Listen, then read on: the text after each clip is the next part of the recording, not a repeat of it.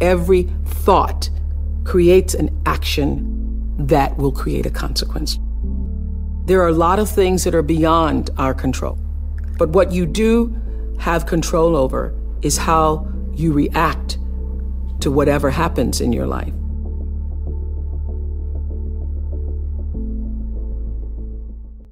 מי שהבין את השיעור הקצר הזה של אופרה ווינפרי ויודע מה לעשות איתו, יכול לדלג על הפרק הזה.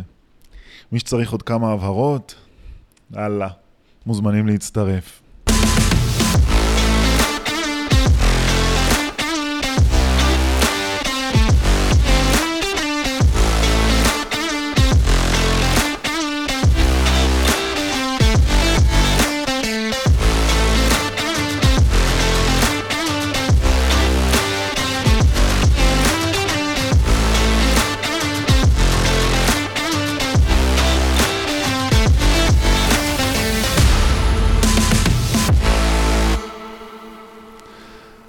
פרק ראשון, אני הולך ברחוב. במדרכה יש בור עמוק. אני נופל לתוכו. אני אבוד, אני חסר אונים. אין זו אשמתי. לוקח לי נצח למצוא את הדרך החוצה. פרק שני, אני הולך באותו רחוב. במדרכה יש בור עמוק. אני מעמיד פנים שאני לא מבחין בו. אני שוב נופל לבור. אני לא יכול להאמין ששוב הגעתי לכאן, אבל זאת לא אשמתי. עדיין לוקח לי המון זמן לצאת מהבור. פרק שלישי אני הולך באותו רחוב. במדרכה יש בור עמוק. אני רואה אותו.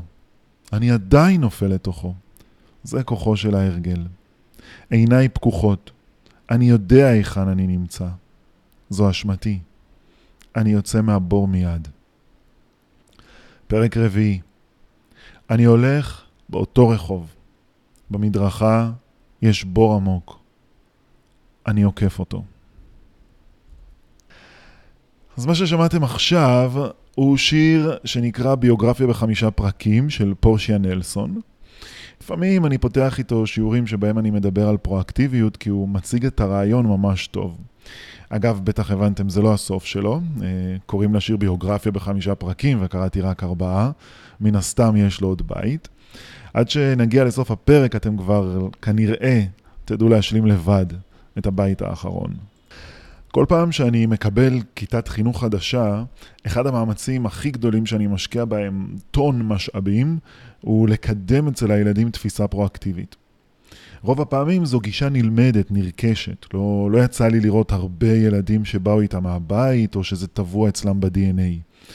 ובתקופה שלנו, שבה גם לכם וגם לנו, המבוגרים, יש הכל מהכל, וגם לאלו שאין עדיין, יש הרבה יותר ממה שהיה לדור הקודם, ובטח לזה שלפניו, אנחנו נעשים מפונקים ברמות. ופינוק משמעו בין היתר תלות. ומשפטים כמו זה לא פייר, אני לא יכולה, זה המורה, היא עושה לי דווקא, הוא התחיל, לא יודע, אי אפשר, היא לא בסדר, זה מי שאני, זה מה יש, הוא מעצבן אותי, אין לי מזל. כל המשפטים האלה, אלה משפטים שמאפיינים את התלות הזאת. כתרגיל התחלתי, אתם יכולים לחזור עשר שניות אחורה, להקשיב שוב למשפטים האלה, ולנסות להעריך כמה מהמשפטים האלה הם בשימוש שלכם כמה פעמים ביום. לפי זה תוכלו להבין, לקבל מושג, איפה אתם נמצאים על הסקאלה, על הסרגל, שצד שמאל שלו הוא מצב ריאקטיבי, תגובתי, וצד ימין זה מצב פרואקטיבי, המצב היוזם. התהליך של יציאה מריאקטיביות לעבר פרואקטיביות יכול להיות מאתגר לפעמים. יש ילדים שהם ממש מתנגדים לזה בתוקף. ואפשר להבין אותם, כי להפסיק להיות ריאקטיבי, משמעו להתחיל לסמוך על עצמי. לקחת אחריות על החיים שלי, להניע את עצמי קדימה לבד, בכוחות עצמי, ותכלס, למה לי לעשות את זה כשאני יכול להמשיך לבקש מאימא שתעשה, שתביא, שתתערב, שתכין, שתארגן, שתדבר בשמי, שתילחם, שתטפל. והרבה הורים אגב נכנעים לזה, ופה אני פותח סוגריים להורים שלכם ולהורים שאתם תהיו בעתיד, ואני אומר לכם, טעות. ככה ילדים תלותיים נשארים תלותיים גם כמבוגרים. ואז ההורים האלה מוצאים את הילד שלהם בגיל 30, מנהל קריירה מוצלחת מאוד של מתמחה בהתמחות על הספה בסלון בשעה 10 בבוקר עם שקית נאצ'וס על הכרס ובקבוק בירה ביד, צופה בשידורים חוזרים של ארתור, והם לא מבינים מה הם עשו לא טוב עם הילד. התשובה במילה אחת, פרואקטיביות. התשובה בקצת יותר מילים, לא נתנו לכם מספיק הזדמנויות לרכוש כלים לניהול החיים שלכם. לא נתנו לכם מספיק הזדמנויות להתנסות בכלים האלה. כלומר, לא אימתו אתכם עם החיים. כשבא אליי תלמיד עם איזו בעיה, אני ישר שואל אותו, ואיך חשבת לפתור את זה? אם הוא עונה לי כלום, או לא יודע, אני אומר לו, אחלה. אז כשתדע, תעדכן אותי. בהצלחה. אני שולח אותו חזרה לפתור לעצמו בעצמו את הבעיה שלו. אני נותן לו הזדמנות לתרגל עצמאות. כי מצד אחד, אנחנו רוצים עצמאות וחופש, כי אנחנו כבר גדולים, נכון? מצד שני, אנחנו נוטים קצת לשכוח את העובדה שעם יותר חופש, באה יותר אחריות. כאילו אתם אומרים, תנו לנו חופש ותשאירו אצלכם את האחריות. נעשה חצי-חצי. החופש יהיה עליי, האחריות עליכם. אז זהו, שבמציאות זה פחות עובד ככה. אבל פרואקטיביות היא הרבה יותר מיציאה מתלות אל אחריות. היא אימוץ של mindset שלם חדש. ויש לה כללים, ויש גם דרכים לתרגל את זה, עד שזה הופך לחלק ממי שאת, לחלק ממי שאתה. אני נתקלתי ברעיון הזה בפעם הראשונה בספר, אלא מה? כאילו, בואו, אמרתי לכם כבר מלא פעמים, תקראו ספרים, תקראו ספרים.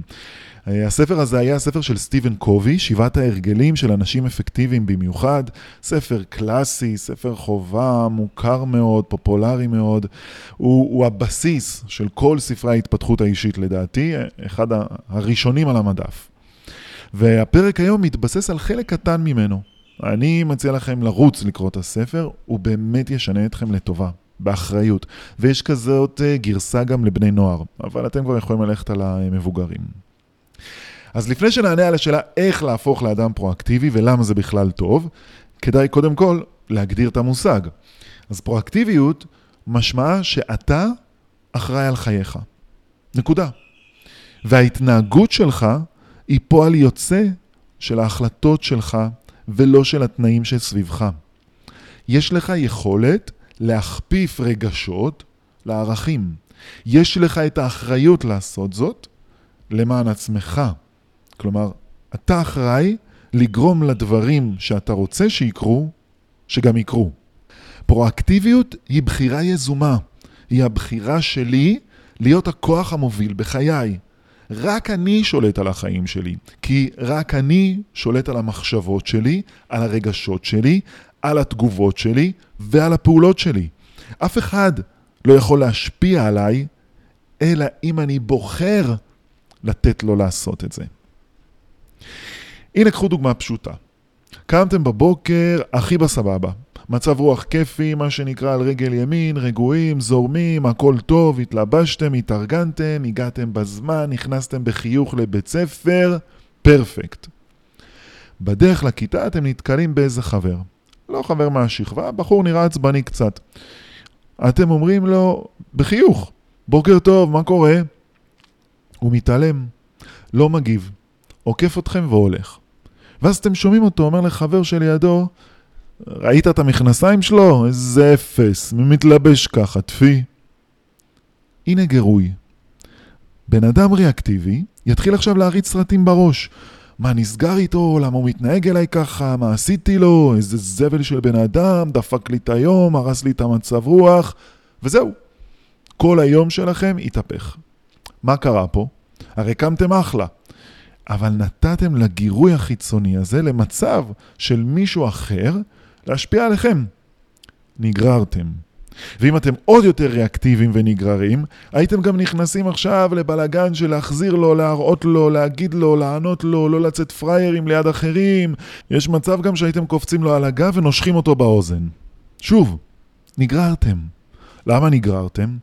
זה כאילו בא אליכם איזה מישהו עם חבל, קשר אותו סביב הצוואר שלכם, ואתם נמשכים לאיזה כיוון שהוא רוצה. עכשיו כל פעם שהוא מושך את החבל, כאילו אתם החמור שלו, והוא מוביל אתכם לאן שבא לו לפי מצב הרוח שלו.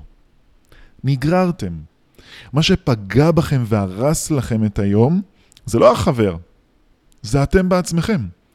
כי לא מה שקרה פגע בכם, אלא הדרך שבה אתם הגבתם למה שקרה לכם, היא זאת שפגעה בכם. אם הייתם בוחרים חכם יותר, לא הייתם נפגעים בכלל. ועל זה אומר סטיבן קובי בספר שלו את הכלל הראשון של פרואקטיביות. בין הגירוי לתגובה יש מרווח. במרווח הזה נמצא החופש שלי לבחור. כלומר, יש סביבנו עולם שלם של גירויים חיצוניים, פנימיים, מישהו צופה לכם בכביש, מישהו זורק מילה, המורה חילקה מבחנים וקיבלת נכשל, או חברה חייכה אלייך ואמרה בוקר טוב. כל אלה גירויים. בין זמן ההתרחשות שלהם לזמן שאנחנו הגבנו עליהם, יש פה מרווח. הוא קטן מאוד, לפעמים הוא יכול להיות אפילו עשירית שנייה. בתוך המרווח הזה, אני יכול לבחור להגיב, להתעלם, להיגרר, או ליזום תגובה פרואקטיבית, כזאת שמקדמת אותי ואת האינטרסים שלי. האתגר פה הוא שהחופש שלי לבחור יושב על כלום זמן. ולכן אין הרבה זמן לחשוב, אין לכם הרבה שהות. זה צריך לעבוד על הרגל אוטומטי.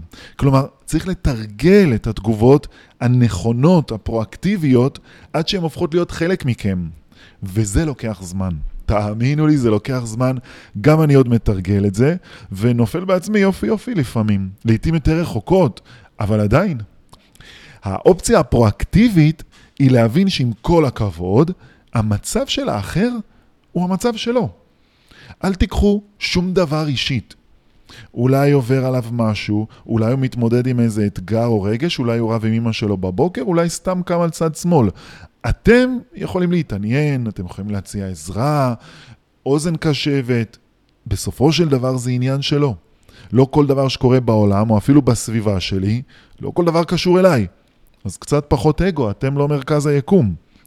רוב הדברים שאנשים אומרים לכם, מצביע יותר עליהם מאשר עליכם. כי הוא בא מתוכם, הוא בא כביקורת עצמית, כתפיסות, כאמונות אישיות שלהם, ואז הוא נזרק אליכם. זאת בעיה שלהם, לא שלכם. עכשיו, אנשים ריאקטיביים נמצאים בעמדה של תגובתיות, כל הזמן הם בעמדה של תגובתיות, כי כל מה שקורה סביבם מושך את תשומת ליבם, משפיע עליהם, גורר אותם להגיב, ואז הוא משאיר אותם במצב של חולשה תמידית, הם נורא פגיעים.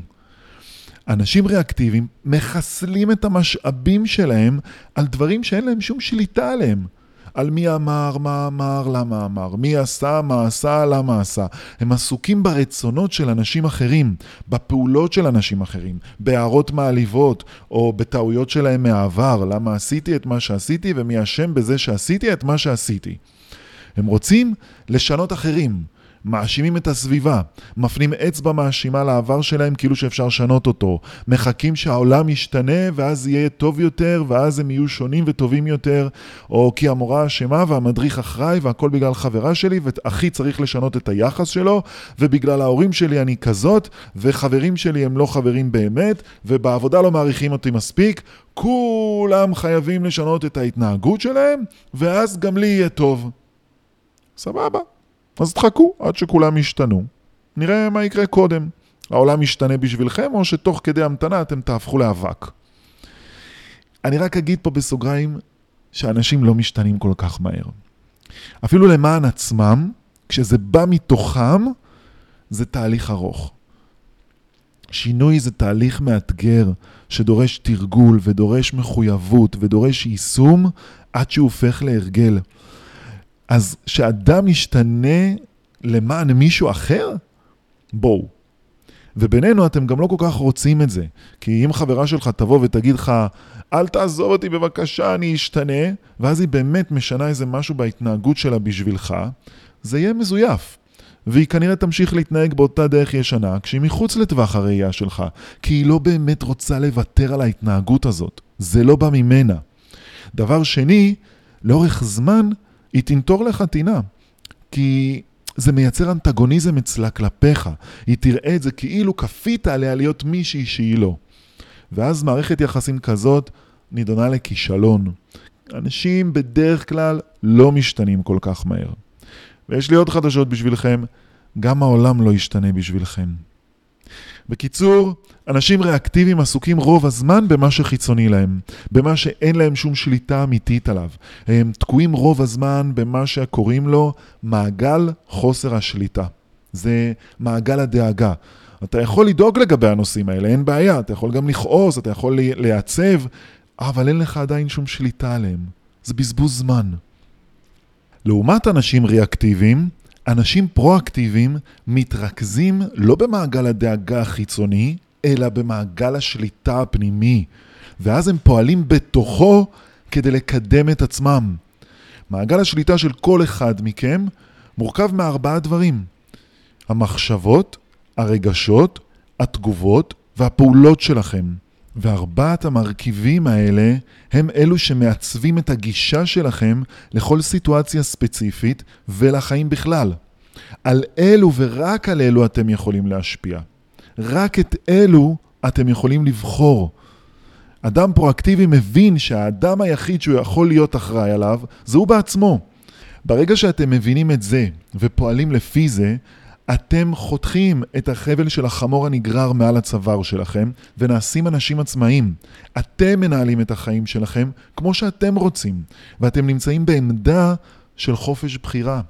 אני אבחר איך להגיב למה שקורה סביבי, וזה לא יהיה כתוצאה מזה שאני נגרר ממשהו שמישהו אמר, או ממשהו שקרה, או שמישהו עשה.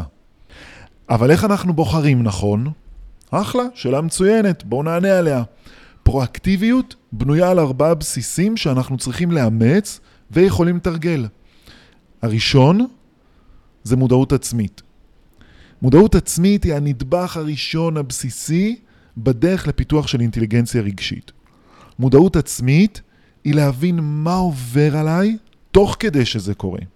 כלומר, לזהות את הרגשות שפועלים אצלי תוך כדי ההתרחשות של האירוע המסוים המדובר, ואז לבחור את התגובה שלי באופן מודע, שמתבסס על הערכים שלי. כלומר, איזו תגובה באמת תהיה יעילה ונכונה ומקדמת עבורי. ואת התגובה הזאת אני אבחר לבצע. כלומר, ברגע של ההתרחשות הספציפית, אני צריך להיות נוכח בתוך ההתרחשות במודעות מלאה, לזהות את הסיטואציה, לזהות את הרגש שעולה לי, ולתעל אותו לתגובה הרצויה, הנכונה, זאת שתקדם אותי למטרה שלי. במשפט אחד, הדרך שבה אני רואה את האתגרים שלי, והמקום שאליו אני מתעל את האנרגיות שלי, זאת מודעות עצמית. תזכרו תמיד שלא מה שקורה לי פוגע בי, אלא התגובה שלי למה שקורה לי היא זאת שפוגעת בי. אוקיי, אז הבסיס הראשון, מודעות עצמית. הבסיס השני עוסק בדמיון. כלומר, ביכולת שלי לראות את מגוון האפשרויות שעומדות לרשותי כדי לבחור איך להרגיש, איך להתייחס, איך להגיב, איך לפעול. ופה יש לי טיפ אחד הטובים בשבילכם. תאמצו לכם את המשפט הבא ותהפכו אותו למנטרה. בכל מצב נתון יש לפחות שלוש אפשרויות בחירה. תחשבו רגע על המשפט הזה. בכל מצב נתון יש לפחות שלוש אפשרויות בחירה. המשפט הזה לקוח מעולם ה-NLP. כשאתם חיים לפי המשפט הזה, תראו כמה ים אפשרויות נפתחות בפניכם. אתם לוקחים את המושכות של החיים שלכם לידיים שלכם, אתם אחראים למצוא פתרונות לאתגרים של החיים שלכם. אתם משתמשים בדמיון וביצירתיות שלכם כדי לממש עוד מהפוטנציאל שיש בכם. אתם בוחנים את ההשלכות של כמה וכמה אפשרויות בחירה, ובוחרים מתוכם את התוצאה שאתם רוצים להכניס לחיים שלכם. ואתם חווים את חופש הבחירה יחד עם האחריות לתוצאות. זאת בגרות. זאת פרואקטיביות. תזכרו, תשננו, תכתבו מעל המיטה בחדר את החוק הזה. בכל מצב נתון יש לפחות שלוש אפשרויות בחירה, ותחיו לפיו. אז הבסיס השני של הדמיון אומר, תפעיל את היצירתיות שלך ותראה שתמצא מלא פתרונות ותגובות אפשריות. אוקיי, אז מצאתי. אבל איך לבחור מתוך כל האופציות האלה את התגובה הנכונה? כאן נכנס הבסיס השלישי. הבסיס השלישי הוא המצפון. התגובה שלי חייבת להיות מבוססת על ערכים ועל עקרונות מוסריים שאיתם אני בחרתי לנהל את החיים שלי. כלומר, המצפון הוא המסננת של הדמיון. המצפון יעזור לכם ויכוון אתכם לבחור מכל התגובות והפעולות האפשריות את זאת שמתחברת לאמת המוסרית שלכם, לאני המאמין שלכם, וגם לעקרונות אוניברסליים, בכלל, ערכיים. יכול להיות שבדמיון שלכם תעלה לסיטואציה מסוימת תגובה אינטרסנטית או צינית או משתלחת, ואז המצפון יסנן אותה משאר האפשרויות כדי להוביל אתכם לעבר תגובה פרואקטיבית, מועילה ומקדמת. כי תזכרו עוד משפט, התגובה שלי למה שקורה לי קובעת את איכותו של הרגע הבא. כלומר, הבחירה שלי איך לפעול ברגע הזה תקבע איך ייראה בחיי הרגע הבא.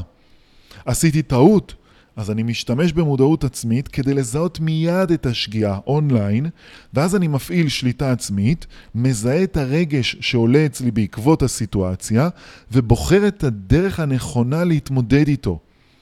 לא לתת לאגו להשתלט על הרגע ולהגיב במקומכם, כי אז אתם בוודאות מפסידים. תמיד כשנותנים לאגו שלנו מקום, הוא יפיל אותנו. הוא יכשיל אותנו, יגרום לנו להפסיד. תגובות של האגו הן בדרך כלל להיעלב, לעשות ברוגז, להתנפל בצעקות, בקללות, בידיים, להתעמת, להחזיר. כל התנהגות אימפולסיבית היא בדרך כלל תוצר של אגו. אגב, אלה בדרך כלל האנשים שנתקעו בשלבים מוקדמים של תהליך ההתבגרות שלהם, ושהערכה העצמית שלהם נמוכה מאוד, או הביטחון העצמי שלהם מעורער, או שהם חסרי כלים ומיומנויות חברתיות. ולכן הכל רגשי אצלם, הכל אישי אצלם, האגו שלהם משתלט עליהם ותמיד מנצח, והם תמיד מפסידים. אז תבחרו את התגובה מהשכל, לא מהאגו. את התגובה שתקדם אתכם למקום הנכון שאתם רוצים להיות בו. וככה אנחנו מבצעים תיקון מיידי לרגע הקודם, כדי שלשגיאה שהייתה ברגע הקודם לא תהיה השפעה על הרגע הבא. עשיתי טעות, קורה, כולם טועים, לא נותן לזה להימשך. כשאני מפעיל מודעות עצמית ושליטה עצמית, אני מגיב נכון וסוגר את המעגל של הטעות במקום, כדי להתחיל את הרגע הבא נקי מהטעות ההיא. עדיין, יש כאלה שיגידו, מה זה החרטא הזה מצפון, יאללה, אני עושה מה שטוב לי ושכולם ישבו לי. אלה היותר מסכנים שיש. כי הם חיים בתפיסה שהם היחידים בעולם, ורק אני חשוב לעצמי. והם מתעלמים מחוק טבע חזק ביותר, חוק פיזיקלי, וזה חוק התנועה השלישי של ניוטון, שאומר, כל פעולה יוצרת תגובה שווה לה בכוחה והפוכה לה בכיוונה. For every action there's an equal and opposite reaction. וזה חוק חזק מאוד. הוא הסיבה בין היתר שאתם עומדים על הרצפה בלי ליפול. אתם מפעילים כוח על הרצפה והרצפה מפעילה כוח נגדי שווה שמאזן את כוח המשיכה. משמעות החוק הזה מתקיימת בטבע, מתקיימת בעולם ומשפיעה על כל אחד מאיתנו. אנחנו חלק מהטבע. והחוק הזה מעצב את החיים שלנו אם נרצה ואם לא. אם נכיר אותו או לא נכיר אותו, אם נקבל אותו, אם נתנגד לו, לחוק זה לא משנה. הוא קיים. תקראו לזה פיזיקה, טבע, קרמה, אמונה, דת, אלוהים, מה שאתם רוצים, הוא עובד. זה זה. וכמו בטבע, גם הבחירות שלנו חוזרות אלינו בהשלכות שלהם. גם בטווח המיידי וגם בטווח הרחוק. בטווח המיידי, כשאתם בוחרים בחיים של חוסר כנות, או מעשים שיש בהם שקר, רמייה, פגיעה, הסתרה, חוסר מוסריות, אתם מכניסים לחיים שלכם את אותו הדבר. ואתם לא תדעו מאיפה זה ייפול עליכם, אבל זה ייפול. תבינו, כשאתם בוחרים להיות מרושעים כלפי מישהו, או לזרוק בדיחות ציניות, או לרחל, אתם צריכים להוציא את זה מעצמכם, אחרת מאיפה זה יבוא? כלומר, כדי להיות ציניים או אלימים או מרושעים, אתם צריכים לעורר, לעודד, לטפח את הרשעות או את הציניות או את לשון הרע מתוככם, כדי להוציא את זה החוצה לעולם. בפעם הבאה שאתם עושים חס וחלילה כזה דבר, תחשבו רגע איך ממש ממש ממש עכשיו אתם מרגישים. איזה תכונה התגברה אצלכם וקיבלה כוח עצום כשהייתם ציניים? ציניות. איזה כוח עצום ואיזו אנרגיה עכשיו הייתם צריכים לעורר מאצלכם כדי להגיד משהו מרושע? רשעות. מה עוררתם בתוככם? למה נתתם מקום כשהחלטתם להיות קנאים? תראו לבד מה עשיתם לעצמכם. מה שיוצא מכם נכנס בכם. כל פעולה יוצרת תגובה שווה לה בכוחה והפוכה לה בכיוונה. זה חוק טבע. אז קודם כל החוק הזה פועל עלינו בטווח המיידי. אבל הוא גם פועל בטווח הזמן הארוך יותר. ואז זה יותר בעייתי. כי בגלל שיש מרחק בזמן ובמרחב בין הפעולה שעשינו לבין התגובה שחזרה אלינו, אנחנו לא מצליחים לקשר ביניהן. אנחנו לא מצליחים לקשר בין מה שעשיתי לבין מה שקיבלתי אחרי כל כך הרבה זמן. ואז אנחנו רק חווים את התוצאה הקשה בלי להבין, אבל למה זה קרה לי? איך זה נפל עליי? לדוגמה, אי אפשר לפעול בעולם בחוסר מוסריות ולקבל חזרה מוסריות. כלומר, את לא יכולה לקחת כסף שלא מגיע לך בדרכים לא מוסריות תוך כדי פגיעה באדם אחר ולקבל חזרה רווחה כלכלית. For every action, there is an equal and opposite reaction. העולם מחזיר לנו בהפוכה את מה שהוצאנו אליו. ואז את לא מבינה למה את לא מוצאת את משרת החלומות שלך, או למה את לא מתרוממת כלכלית, או למה נופלות עלייך שוב ושוב הוצאות לא צפויות בהיקפים מטורפים שאוכלות לך את המשכורת, הורסות לך את התכנונים שלך. אותו דבר במקרים נוספים. אי אפשר לפגוע באדם אחר נפשית ולקבל חזרה נפש בריאה ושלמה. לא עובד. אז אם אתה יושב בבית באחת בלילה ומחפש ב-DM באינסטה שלך איזו נערה שתשכנע אותה לבוא אליך הביתה להתמזמז, ושתביא איתה גם חברה לחבר שלך, ברור שאתה יכול להגיד, מה זה היא הסכימה, אני רק זרמתי. ותוך כדי, אתה לא מבין למה אתה מתמודד כבר שבועות ארוכים עם דכדוך, לא מבין למה כלום לא הולך לך בחיים, למה אתה לא מוצא את המקום שלך עם חברים שלך, למה חוסר שקט בבית, למה אתה מרגיש ריק מבפנים, למה אתה לא מצליח לקדם שום דבר שאתה רוצה בחיים שלך, איך נתקעו לך ככה החיים? הנה, מר בחור, קיבלת את מה שהבאת על עצמך, כי כל פעולה יוצרת תגובה שווה לה בכוחה והפוכה לה בכיוונה. כל מה שאני מוציא החוצה חוזר אליי בחזרה באותה עוצמה בכיוון הפוך. כלומר, זה לא רק ברמת הפעולה, אפילו ברמת המחשבה. אפילו מה שאנחנו חושבים חוזר אלינו באותה עוצמה בכיוון הפוך. אתה יכול לנקות את עצמך בתירוץ היא הסכימה לבוא אליי. אבל אם אתה תהיה הגון ומוסרי וכן, ותהיה ראוי, אז תעמיד שנייה את אחותך במקום של הבחורה הזאת. אחותך הייתה עושה דבר כזה? אחותך הייתה יוצאת מהבית בשתיים בלילה כדי ללכת לבית של בחור שהיא לא מכירה להתמזמז איתו? נכון שלא? זה אומר שהבחורה הזאת שאתה הזמנת או שהיא כן הסכימה להגיע אליך, רוב הסיכויים צריכה עזרה.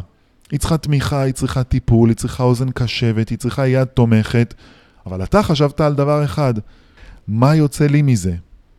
ניצול. אתה העמקת את הפגיעה הנפשית שלה, ועכשיו אתה לא מבין למה מלא דברים נכשלים לך בחיים. למה אתה מרגיש ריק מבפנים. באמת אתה לא מבין?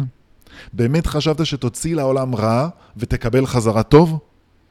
אם זה מה שחשבת, כדאי שתשנן את חוק התנועה השלישי של ניוטון עוד פעם. For every action, there's an equal and opposite reaction. ואת זה אמר הרבה הרבה לפני ניוטון קהלת, בפרק י"א פסוק א', הוא אומר, שלח לחמך על פני המים, כי ברוב הימים תמצאנו. מה שאתה מוציא החוצה ממך, מה שאתה שולח מעצמך לעולם, בהמשך הדרך יחזור אליך. אבל אם אתה שולח לחם מעופש על פני המים, גם אותו אתה תמצא ברוב הימים. בארבע מילים, תעשה טוב, תקבל טוב. במילה אחת, מצפון. אז מתוך ארבעת הבסיסים של פרואקטיביות סגרנו כבר שלושה. מודעות עצמית, דמיון, מצפון. נשאר לנו הבסיס האחרון, והבסיס האחרון הוא שפה. השפה שבה אני מדבר היא מזהה בולט של רמת הפרואקטיביות שלי. אנשים ריאקטיביים מדברים בשפה שמשחררת אותם מכל אחריות וזורקת את האחריות על אחרים. על העולם, על הסביבה, ההורים אשמים, המורים, השכנים, הבוס, המזל, הגורל, דיברנו על זה.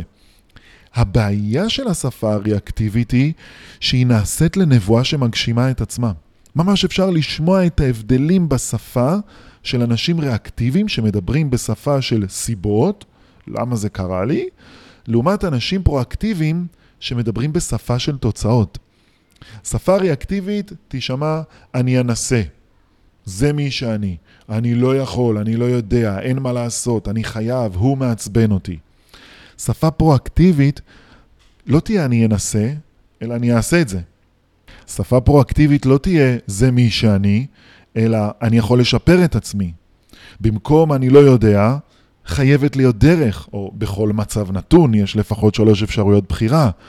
שפה פרואקטיבית לא תהיה אין מה לעשות, אלא אני אבחן את כל האפשרויות. שפה פרואקטיבית מחליפה את אני חייב ב"אני בוחר". לא תשמעו בן אדם פרואקטיבי שיגיד, הוא עצבן אותי. כי הוא לא יכול לעצבן אותי. אני היחיד שמשפיע על עצמי. אני בוחר אם להתעצבן או לא. ולכן אנשים פרואקטיביים, אתם רואים, הם, הם פועלים, הם יוזמים, הם מובילים את עצמם, הם מתמקדים במעגל ההשפעה שלהם, במחשבות, בפעולות, ברגשות שלהם, בתגובות שלהם, ובזה הם עושים את השינוי. אז מעבר לתרגול ארבעת הבסיסים של מודעות עצמית, דמיון, מצפון ושפה שעברנו עליהם, הנה עוד ארבעה טיפים חשובים. אחד, מחליפים למה לא חולה בלמה כן בריא. אנשים ריאקטיביים פשוט ייגררו אחרי הסיטואציה, ייכנעו לסביבה שהם נמצאים בה, יגיבו בדרך כלל רגשית, בלי מודעות שכלית כלשהי לתוצאה או להשלכות שלה. ואפשר לזהות בן אדם שנמצא במוד של למה לא, כי הוא בדרך כלל אדם ריאקטיבי. חשוב לו לצאת מול החברים שלו זורם, קליל, בקטע, אז למה לא, נזרום, נלך להוריד קצת שוטים של וודקה על הברזלים למטה? למה לא?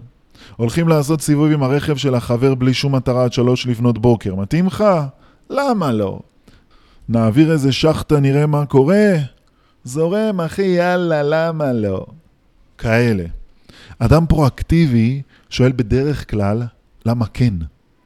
וזה הבדל וואחד הבדל. כשאתם מחליפים למה לא תגובתי בלמה כן מודע, אתם שוקלים את הסוף מראש. אתם לא נסחפים עם מה שבא ומתפלאים איך הגעתם לזה. כשאתם מחליפים את הלמה לא התגובתי בלמה כן מודע, אתם פועלים ולא מופעלים. לאדם פרואקטיבי לא קורים דברים משום מקום. הוא יוזם, הוא מכוון, הוא מביא את התוצאות שהוא רוצה אליו. ולאדם ריאקטיבי קורים דברים פתאום, משום מקום. אין לה מושג איך זה קרה. פתאום הוא מוצא את עצמו בקיוסק קונה אלכוהול כי החבר'ה שלחו אותו כי הוא נראה הכי גדול אז בטח לא יבקשו ממנו תעודת זהות.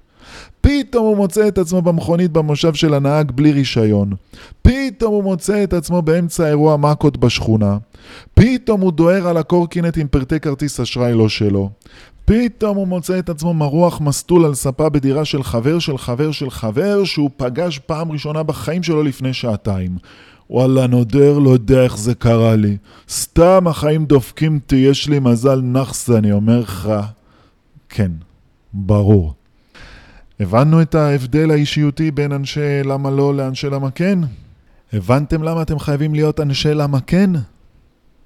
יופי, אז סבבה, אפשר להמשיך. דבר שני, אנחנו צריכים לנהל את החיים שלנו לפי סדרי עדיפויות נכונים.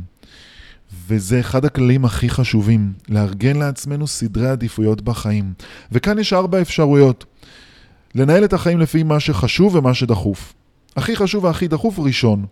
אלה האנשים שבדרך כלל נזכרים ללמוד למבחן בדקה ה-90, שממלאים טפסים שנייה לפני שנסגרת ההזדמנות, שמגישים עבודות דקה אחרי הדדליין ומקווים לטוב.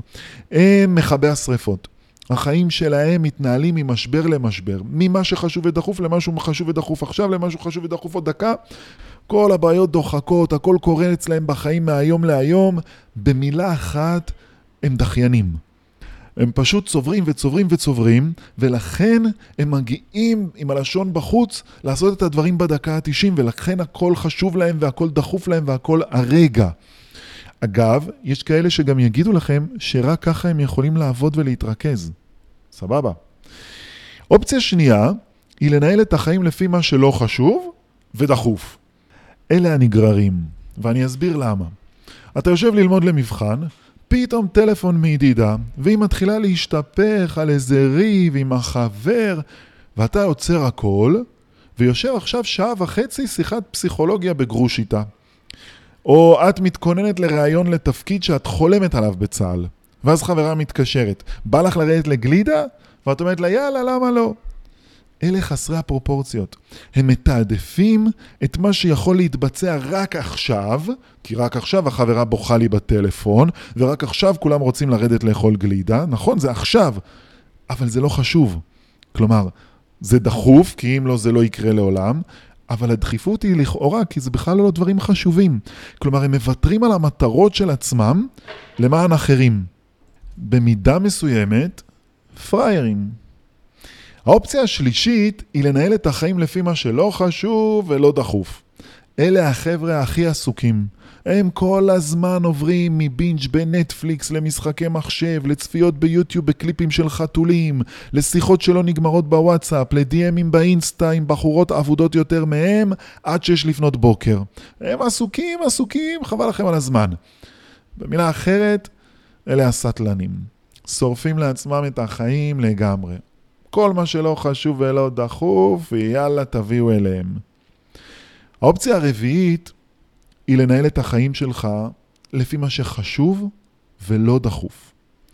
אלה האנשים שיש להם לו"ז קבוע, שמתנהלים לפי מטרות שהם תכננו מראש. אלה האנשים שמתזמנים, שמארגנים את הפעילות שלהם, שדואגים לעשות את הדברים בזמן או מראש, ולכן הם מספיקים להגיע למצב שהם מטפלים במה שחשוב לפני שהוא נעשה דחוף. אנשים שמנהלים לו"ז כזה מאוזן מספיקים גם לעשות את מה שחשוב, גם את מה שעושה להם כיף, גם לבנות מערכות יחסים, גם למצוא זמן להתאמן, גם לאתר הזדמנויות חדשות בחיים. במילה אחת, אלה המתעדפים. להם יש זמן להכל. כמעט לא תשמעו מהם את המשפט אין לי זמן. כן תשמעו מהם משפט מצטער לא מתאים. כשמה שהצעתם להם נכנס להם לקטגוריה של לא חשוב ולא דחוף, או כשמה שהצעתם להם לא מתיישב עם העקרונות שלהם, יגידו לך מצטער לא מתאים. אנחנו בדרך כלל נמצאים קצת פה, קצת פה, קצת פה, קצת פה. זאת אומרת, אין בן אדם שכל הזמן נמצא רק במה שחשוב ולא דחוף, בחלק הרביעי הזה שדיברנו עליו. אז אנחנו נמצאים קצת פה וקצת פה, אבל שימו לב שאתם צריכים יותר ויותר ויותר לטעות למקום של החשוב ולא דחוף. כלומר, לחלק הרביעי הזה. ככל שתהיו שם יותר, מצבכם טוב יותר. אחת הדרכים הפרודוקטיביות יותר לוודא שאתם נמצאים רוב הזמן בחלק של הלא דחוף וחשוב, זה לוז. כתבו לעצמכם לוז שישקף את היום שלכם, שיותאם למטרות שלכם, גם ביום-יום וגם קדימה, רחוק יותר. נסחו לכם לו"ז שישרת אתכם ברמה שעתית, ברמה יומית, שתדעו מה אתם עושים כל יום ומה אתם עושים כל שעה. לו"ז שמשתלב עם הצרכים שלכם. תתחילו להריץ אותו ותעשו כמה fine-tuning, כמה התאמות, עד שתגיעו ללו"ז שהוא אידיאלי בשבילכם, ותיצמדו אליו במחויבות. תכניסו בו זמן פנאי וזמן חברים וזמן טלוויזיה, הכל טוב. אבל גם זמן לאימונים, וגם זמן ללימודים, וגם זמן לקריאה. צרו לכם לו"ז שיהיה מותאם וגם יהיה מאוזן. ואז תעמדו בו. אתם חייבים לעמוד בו, כי מהרגע שיש לכם לו"ז ראוי מבחינתכם, אסור לכם לתת לפעילויות החשובות לגלוש לזמן של פעילויות לא חשובות. גם להפך לא רצוי. ואם אתם רוצים להיות ספונטניים, אין בעיה, תכניסו גם את זה ללו"ז. פעמיים בשבוע חלון זמן לספונטניות לעשות מה שבא לי. בקיצור, ככל שתהיו מחויבים לשגרה ברורה ומסודרת, כך תהיו פרואקטיביים יותר, ותשיגו יותר מטרות שהגדרתם לעצמכם. הדבר השלישי נועד לעזור לכם לעשות את הבחירות הפרואקטיביות הנכונות יותר. כי אמרנו שפרואקטיביות מורכבת מארבעה בסיסים, מודעות עצמית, דמיון, מצפון ושפה.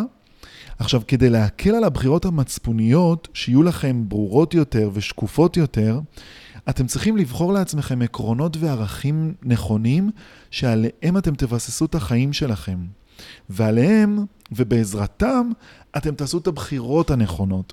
אוקיי? כי אתם תוודאו שכל בחירה ופעולה שלכם עומדת בערכים האלה.